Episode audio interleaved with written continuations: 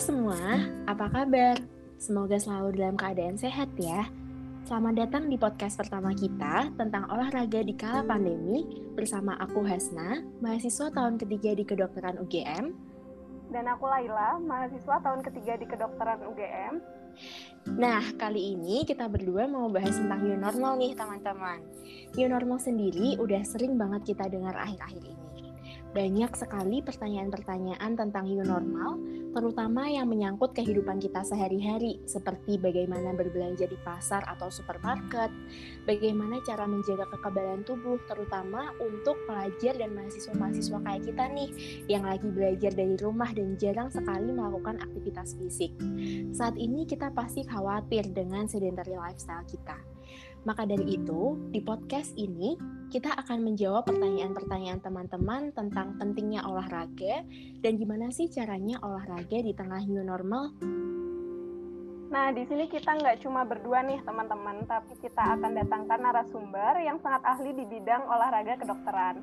Beliau adalah dosen senior di FKKMK UGM dan beliau pernah menempuh pendidikan di Sports and Circulatory Medicine di Innsbruck, Austria.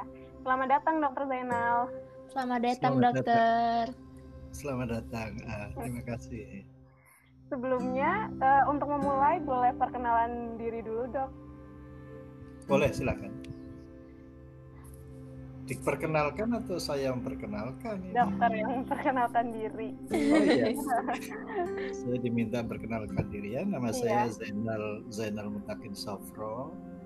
Kebetulan saya uh, bekerja di Fakultas Kedokteran, Kesehatan Masyarakat dan Keperawatan di bidang fisiologi, ya ilmu dasar dari ilmu kedokteran. Jadi siapa pun yang ingin jadi dokter, ya itu harus belajar fisiologi atau ilmu fa'al. Fa'alin dari bahasa Arab, fa'ala yaflu fa'alan, ya. Saya kira itu sajalah ya. Terima kasih ya dokter udah Baik. meluangkan waktunya untuk mengisi podcast ini. uh, ya. Jadi uh, dokter sebelumnya kami sudah melakukan assessment kepada beberapa mahasiswa dengan jurusan yang berbeda-beda tanpa latar belakang medis. Uh, yang kita tanyakan tentang olahraga di kala new normal ini. Ternyata beberapa responden menyebutkan bahwa mereka belum pernah melakukan olahraga selama pandemi ini sebenarnya seberapa penting olahraga di masa pandemi ini, dok? Ya, ini pertanyaan yang sangat bagus ya, karena masa pandemi ini kan harus berkaitan dengan apa yang kita namakan sistem imunitas, ya, sistem kekebalan tubuh. Karena pada dasarnya tubuh kita ini luar biasa, diberi anugerah Allah untuk bisa menghandle bahkan untuk membinasakan ya kuman-kuman sejak dari virus, bakteri, bahkan sel-sel yang ganas sekalipun seperti penyakit kanker. Jadi justru adanya pandemi ini saya sangat memberikan apresiasi pada mahasiswa, menyadarkan pada masyarakat bahwa sebetulnya anugerah yang tidak ternilai dalam tubuh kita adalah sistem imunitas. Ya, saya itu dulu. Sehingga dengan olahraga ini sebetulnya mampu untuk mengaktifkan sistem kekebalan tubuh kita. Karena di dalam hukum alam yang berlaku di dalam tubuh kita itu ada fenomena U curve atau kurva U. U curve. Ya. Artinya apa? Kalau kita tidak pernah berolahraga, maka sistem imunitas kita ini lemah sekali untuk dihadapkan pada ancaman berupa kuman-kuman tadi. Lebih menarik lagi, kalau olahraga ini kita lakukan tetapi berlebihan, kita sama-sama melemahkan. Maka dengan adanya tema perbincangan sore hari ini, ini merupakan kesempatan yang luar biasa untuk mengkaji ya tidak jauh-jauh apa yang ada dalam tubuh kita sendiri. Karena apa? Pada dasarnya sehat itu identik dengan kondisi steady state atau homeostasis. Kalau homeostasis seseorang terganggu, maka otomatis larinya ke rumah sakit. Ya, jadi sekali lagi kita harus mempertahankan homeostasis atau steady state atau kondisi istiqomah. Oke, silakan. Oke dokter, terima kasih ya dok. Jadi teman-teman, jadi pentingnya olahraga di masa pandemi ini, terutama untuk imunitas kita. Nah untuk pertanyaan selanjutnya mungkin Kak Hasna. Oke, uh, jadi dokter, karena new normal ini kita juga harus menerapkan protokol kesehatan yang berlaku seperti memakai masker, menjaga hmm. jarak, dan sebagainya, sehingga mungkin akan memberi sedikit dampak dan perubahan ya dok terhadap kegiatan yang biasa dilakukan di luar rumah, tidak uh, ya seperti halnya olahraga begitu.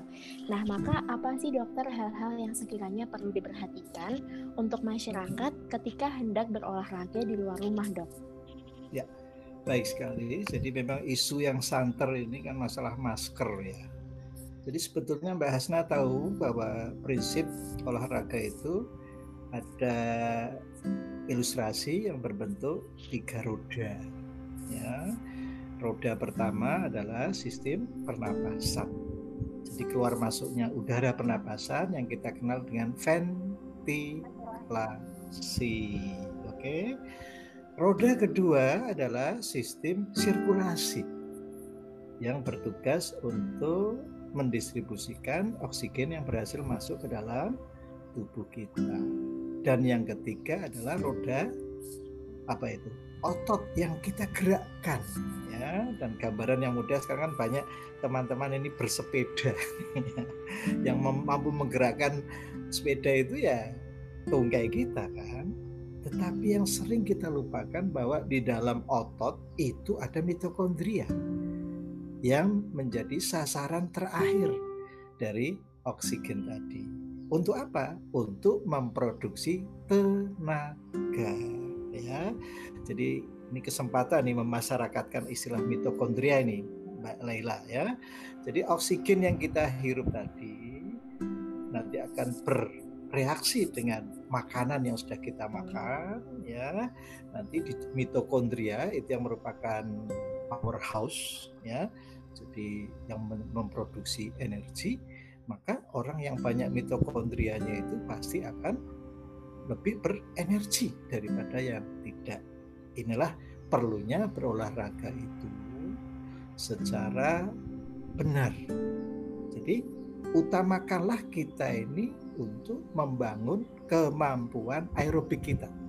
Nah, cuma sayangnya untuk meningkatkan kemampuan aerobik itu kita harus mengenal prinsip fit, frekuensi, intensity, time, and type. Ya, frekuensi itu seminggu 3 sampai 5 kali, intensitasnya sedang, kemudian durasinya 30 sampai 45 menit ya dan T terakhir adalah jenis olahraganya nah, jenis olahraganya ini pun harus mengikuti azas yang tertentu misalnya melibatkan otot-otot yang besar gerakannya ritmis kemudian dilakukan terus-menerus selama durasi waktu yang kita tentukan.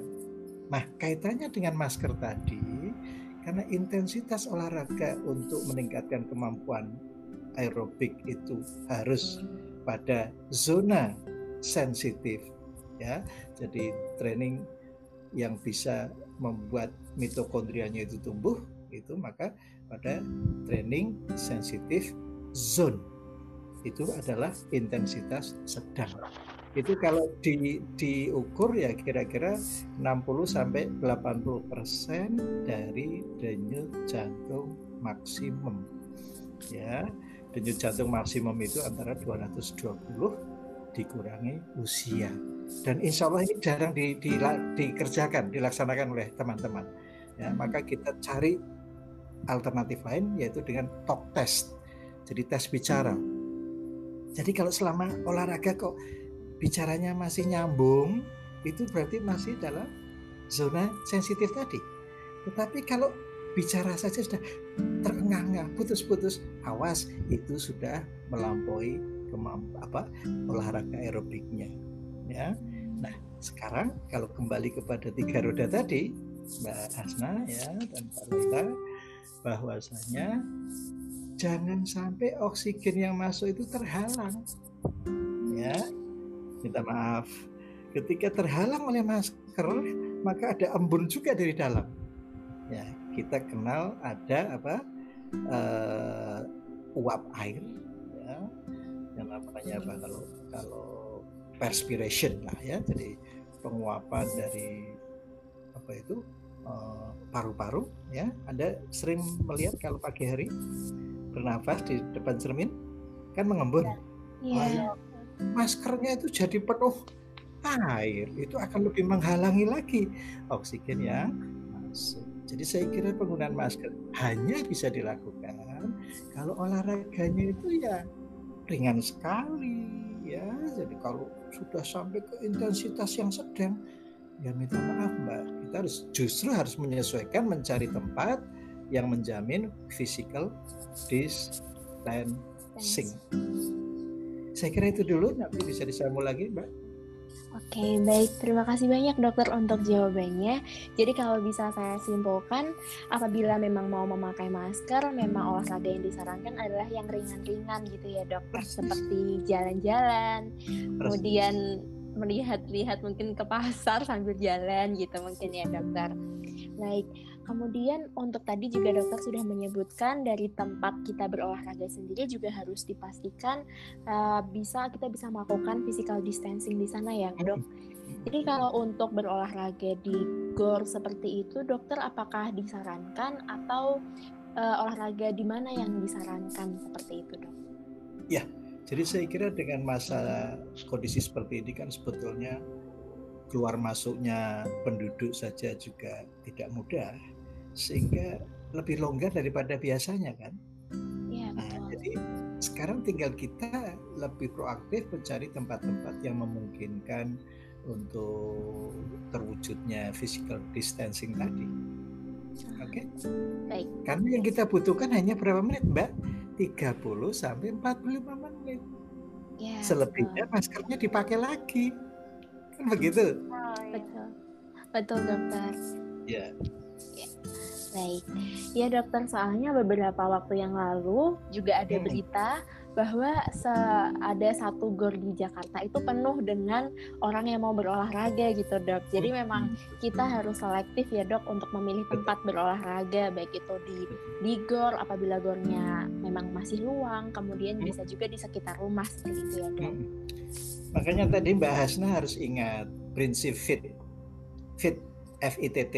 T terakhir kan type jenis ya, olahraga yang tadi bercirikan melibatkan otot yang besar, ritmis, dan kontinu itu kan tidak hanya bersepeda, bisa jalan cepat, brisk walking, atau jogging, atau senam, ya.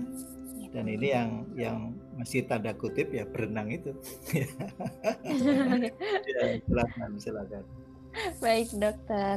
Jadi kalau berenang sendiri mungkin kalau berenang di kolam renang pribadi itu boleh ya dok. Tapi kalau berenang di kolam renang publik itu bagaimana dok? Ya, jadi menarik ya. Jadi kita harus bisa memastikan bahwa kolam renang itu memang standar ya, misalnya di hotel bintang 5 misalnya ya atau kolam pribadi dan saya kira memang memang ideal sekali kalau bisa berenang ya. Tapi itu tadi anda harus memastikan ini kolam renangnya bukan sekedar kolam tetapi standar lah ya, ya oke. Okay. ya, baik dokter. Uh, Lela mau menambahkan pertanyaan Iya, uh, dokter saya mau nambahin tanya tentang masker tadi yang sudah sedikit dijelaskan sama dokter. Uh, jadi waktu kita assessment, kita juga tanya tentang masker itu ke responden kami. Ternyata banyak yang masih bingung, dok. Terlebih lagi uh, karena beberapa waktu lalu WHO menyebutkan bahwa saat olahraga tidak perlu menggunakan masker. Dengan alasan yang sama seperti dokter tadi, karena uh, yeah. nafasnya akan terganggu dan nanti maskernya akan menjadi lembab.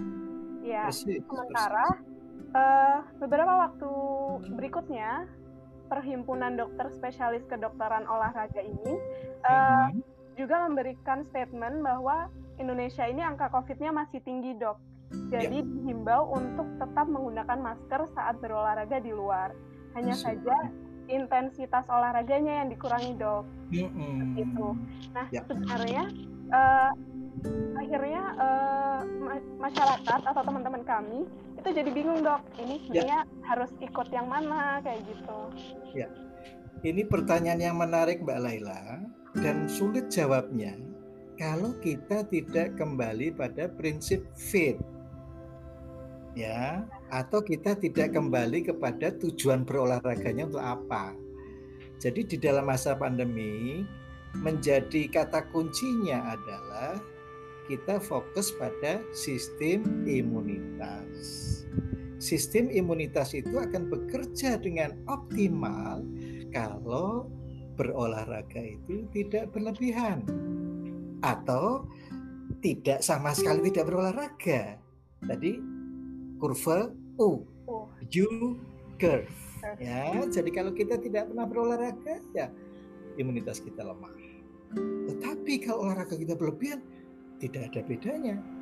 Justru melumpuhkan sistem kekebalan. Nah, sebetulnya untuk meningkatkan imunitas itu kita hanya butuh waktu 30 sampai 45 menit. Oke? Di situ kita dituntut untuk berolahraga pada intensitas sedang. Cukup jelas ya? ya intensitas sedang. Di luar itu ya ya santai-santai aja ya pakai masker lagi ya boleh kan begitu. Dan seminggunya diminta hanya berapa? 3 sampai 5 kali. Begitu ya Mbak ya. Selebihnya silakan pakai masker Inilah cara Mbak Laila menjawab sebagai mahasiswa kedokteran yang bisa diikuti secara nalar gitu loh ya. ya. Jadi jangan sampai masyarakat dibuat bingung. Nah, kalau tidak ada pernyataan yang membingungkan itu, tidak ada event seperti sekarang ini. Inilah hikmahnya Mbak Laila ya. ya Saya kemudian dihubungi ya. Baik, silakan Mbak Laila ya berarti uh, olahraga sendiri itu harus memperhatikan tujuannya ya dok ya. Persis. Kalau misalnya ingin meningkatkan imunitas ya kita berolahraga yang optimal yang 30 Persis. menit, 3 sampai ya. Intensitas Sama, sedang gitu. Iya, intensitas sedang. Karena sebenarnya malah karena new normal ini banyak masyarakat yang uh, beranggapan olahraga itu malah kayak rekreasi gitu ya dok ya kali ya. Jadi itulah makanya setiap hari kita lomba keluar. Iya bergerombol naik iya. sepeda ya. Iya kita harus balik lagi ke tujuan awal olahraga itu untuk apa? Ya. Mbak Laila ingat kan innamal a'malu niat segala sesuatu harus kembali kepada niat. Kita iya. Okay? iya dokter Oke, baik dokter. Uh, sekarang kita agak berbalik lagi ke protokol kesehatan sewaktu COVID nih dokter. Hmm. Ada beberapa um, badan kesehatan WHO mungkin menyarankan untuk kita harus menjaga jarak itu 1,2 meter atau yeah. ada juga yang menyarankan 2 meter dan ada beberapa juga yang ada bervariasi seperti itu dokter. Persis. Nah kalau untuk saat kita berolahraga sendiri dok, misalkan kita berpapasan dengan orang hmm. gitu ya dokter itu kita harus menjaga jarak seberapa jauh sih dok? Apakah ya. sama dengan protokol kesehatan pada kehidupan sehari-hari atau ada khusus ini dok waktu olahraga? Ya, jadi tadi kita kembali ke fit ya, kan kita hanya butuh waktu 30-40 menit. Maka jauh-jauh sebelum kita melakukan olahraga itu ya kita sudah punya rencana di tempat mana ya yang kira-kira kita tidak berpapasan misalnya ya. Adapun mengenai jarak ada yang satu dua meter, kita semua kan baru sama-sama belajar, Mbak. Adanya virus ini kan semua baru belajar ya. Sampai kadang-kadang pendapat itu berganti-ganti kita maklumi ya. Kita sama-sama harus welcome bahwa kita adalah makhluk pembelajar. Jadi kita harus apa ya lentur gitu loh mudah beradaptasi jangan saling menyalahkan saling bersih tegang kan begitu ya. Begitu ya Mbak Asna ya Oke, baik dokter. Jadi intinya adalah kita harus mengusahakan mencari tempat yang luang sehingga uh, sesuai dengan prosedur kesehatan yang sudah hmm. diluncurkan oleh badan-badan kesehatan yang ada ya dokter. Ya, terima kasih dokter. Uh, berhubungan tentang pertanyaan Hasna, saya mau follow up question dok. Uh, jadi saya pernah baca dokter katanya kalau misalnya kita bersepeda atau berlari itu tuh uh, nafasnya tuh lebih cepat, lebih kencang, jadi droplet yang dikeluarkan itu bisa lebih jauh gitu dok. Dan yang disarankan itu malah bukan 2 meter tapi kayak 10 meter atau 20 meter gitu dok uh, antar persepeda gitu katanya. Antar pelari gitu dok. Mm-hmm. Jadi harus lebih jauh gitu dok karena nafasnya kita itu lebih cepat gitu. Yang saya baca di salah satu ini Mbak Laila tolong diperhatikan. Ya bedakan antara bernafas dengan bersin. Ya. Kalau bersin itu ya totally lah ya. Seperti Mbak Laila kalau mau praktikum fungsi paru itu ya dengan refleks yang sangat kuat ya maka dia akan menyebar lebih jauh. Kalau nafas terengah-engah itu kan ya biasa kan? Maka Mbak Laila untuk kepastian ini kita perlu menggunakan alat-alat yang canggih seperti yang digunakan orang Jepang itu ya. Kira-kira virusnya sampai berapa meter ini kalau kita terengah-engah ya? Jadi tolong dibedakan Mbak Laila antara bernafas yang apa ya terengah-engah dengan bersin ya atau batuk. Nah ini yang dibedakan. Begitu Mbak Laila dan saya tolong titip pesan aja lah ya. Jadi isu mengenai masker ini justru yang paling utama. Janganlah kita itu hemat-hemat amat gitu.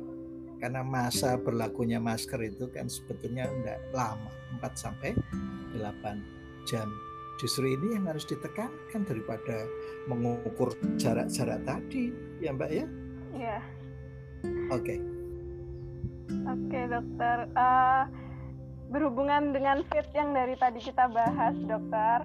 Jadi mm -hmm. uh, beberapa teman kami yang menjadi responden di asesmen kami ini uh, menanyakan tentang intensitas ringan, intensitas sedang, intensitas berat itu di dalam olahraga itu maksudnya apa gitu dan gimana mereka bisa tahu kalau olahraga itu intensitas ringan, sedang atau ya. berat. Ya. Jadi menarik sekali bahwa istilah intensitas ini sebetulnya menjadi core dalam olahraga kita karena itu akan sangat menentukan outcome jadi kalau Mbak Laila itu olahraganya benar, intensitasnya ya sedang dilakukan 30 sampai 40 menit ya seminggu 35 kali itu dalam satu minggu detak jantung istirahat itu akan turun satu poin. Ya kalau dua minggu jadi dua poin. Kalau 10 minggu jadi dua poin. Jadi kalau tadinya 80 10 minggu olahraganya menjadi 70 sampai akhirnya rendah sampai 60 dan tidak akan sampai nol loh ya insya Allah paling rendah hanya 30 lah ya. Oke sekarang intensitas sedang itu yang dimaksud adalah ya ketika kita berolahraga kita cukup menggunakan top test. Ya jadi selama berbicara dengan teman itu sambung gitu loh tidak terputus-putus. Oke misalnya Mbak Lela tanya saya dok kok tumben olahraga? Iya ya saya ini kan dosennya exercise physiology masa ada olahraga? Itu sambil bersepeda. Itu artinya intensitasnya sangat ringan itu mbak. Ya enggak ya. jadi kalau masih bisa bicara santai sambil olahraga itu berarti intensitasnya masih ringan. Tapi kalau agak sedikit ya itu tadi. Ya. Apa? Agak sedikit terbata-bata misalnya. Ya mbak. Saya ini kan oh, dokter olahraga maka ya saya harus memberikan contoh. Ah, ini sudah agak intensitas sedang ini. Tapi kalau ditanya lagi tanya mbak Laila dok tumben nih olahraga. Iya ini saya kan sebagai dokter eh, itu namanya sudah intensitas yang tinggi. Yang semacam ini yang akan melumpuhkan sistem kekebalan tubuh gitu ya.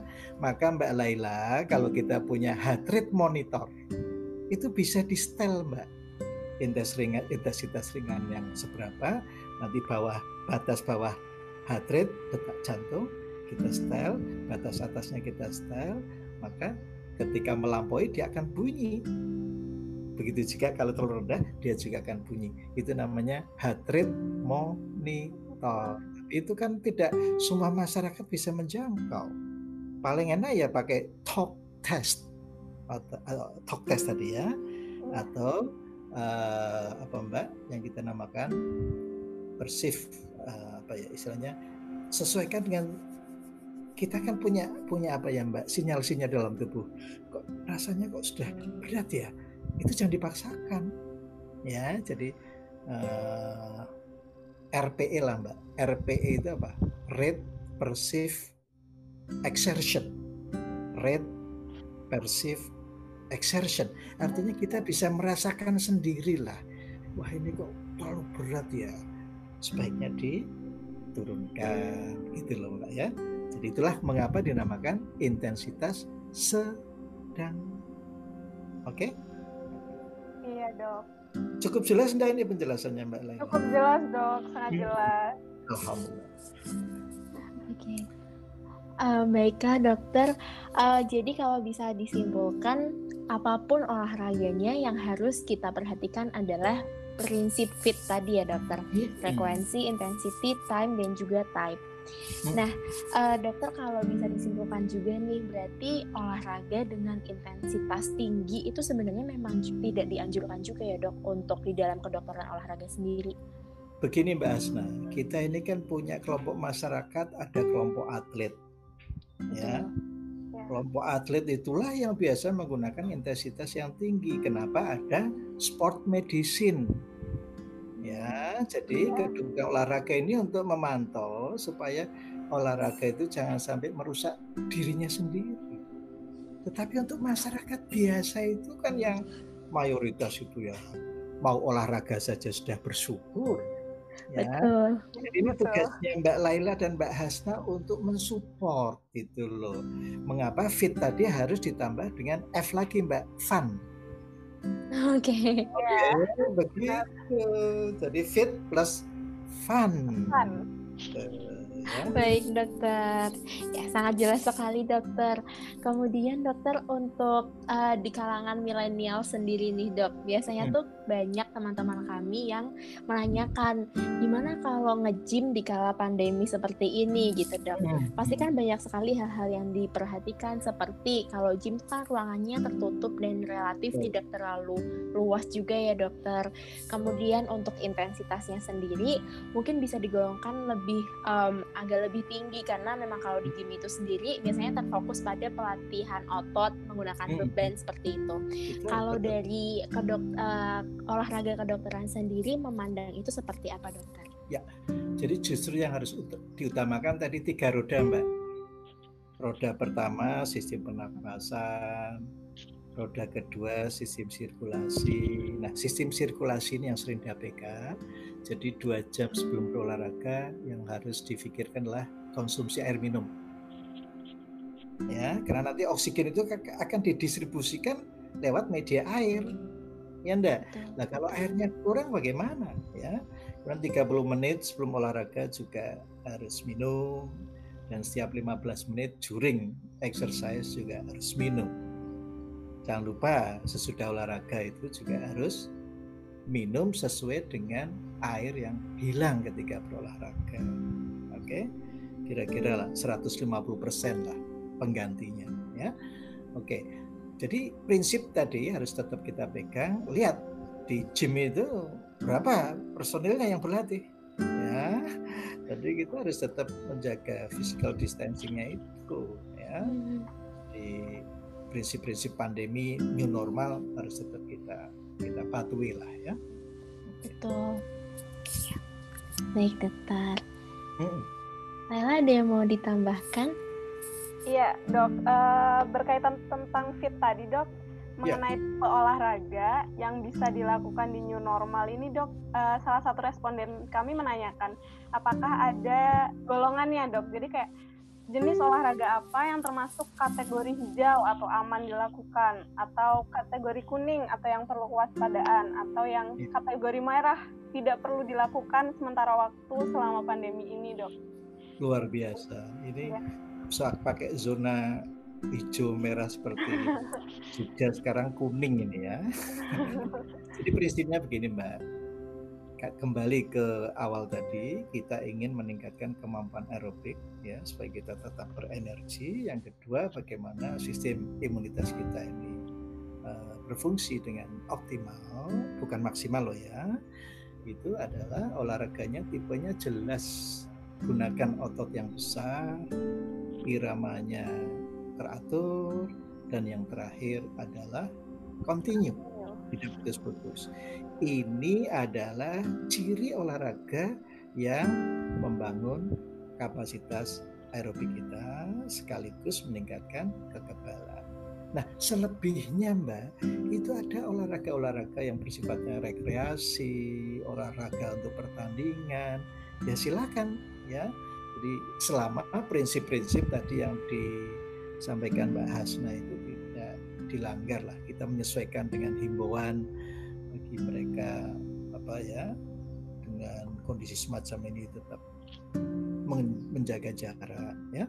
Kemudian jangan sampai terbalik kita lakukan social distancing tapi social engagement ya yang distancing itu hanya fisiknya saja ya nah, begitu ya mbak Laila ya iya dok ah.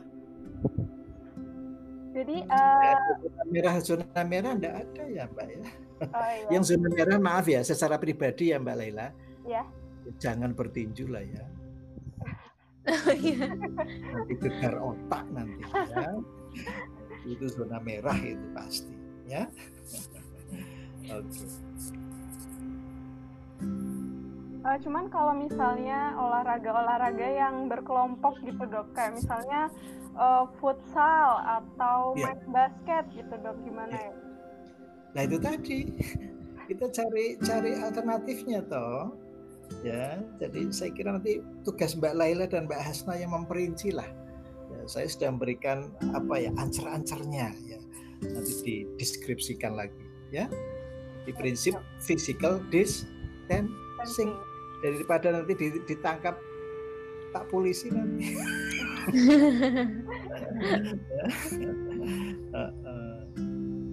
Betul. Sementara waktu lah ya. Jadi, ya. Kita justru akan dengan adanya kondisi semacam ini semakin kreatif kok. Ya. Jadi tidak terpaku pada kegiatan-kegiatan yang selama ini sudah kita lakukan. Karena prinsipnya apa Mbak? Jangan apa membenarkan yang biasa. Tetapi biasakanlah yang benar. Oke? Justru ini iya, akan memancing kita untuk berkreasi. Baik. Mungkin dari Gagas ada pertanyaan Gagas? Uh, mungkin ini dok. Uh, jadi tadi kan sempat dihubungkan juga antara olahraga dengan uh, imun dan hmm. sistem imun uh, itu mungkin bisa lebih dijelaskan lagi.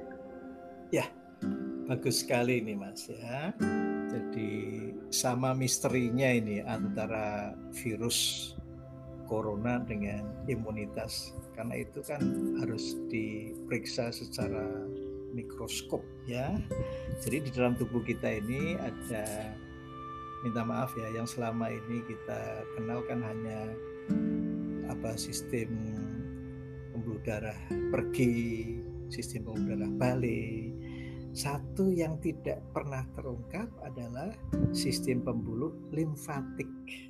Nah, sistem pembuluh limfatik itu 24 jam itu mengedarkan sel darah putih ya bahkan usianya itu singkat itu ya sel-sel darah putih itu paling usianya tiga hari ya tapi 24 jam dia itu monitor terus nah sistem sel kekebalan ini ya itu yang bertugas untuk tidak hanya sekedar memangsa kuman semacam virus bakteri termasuk juga jaringan-jaringan kita yang rusak Kenapa kita tidak boleh berolahraga berlebihan? Ya, jadi mestinya dia itu memangsa kuman-kuman, malah disibukkan untuk memangsa jaringan-jaringan yang rusak ya. Jadi ini kan bebannya berlebih. Sehingga kalau ada musuh masuk wah maaf ya ini saya sedang mengangkat kotoran ya atau debris istilahnya Mbak Laila ya. Di sisa jaringan yang rusak itu akan harus dihancurkan juga ya. Jadi sekali lagi eh, sistem kekebalan itu hendaknya betul-betul diberi kesempatan untuk bekerja secara optimal. Jangan sampai diganggu oleh pekerjaan bukan pekerjaan sampingan ya pekerjaan tambahan karena olahraga kita berlebihan. Begitu ya mas ya?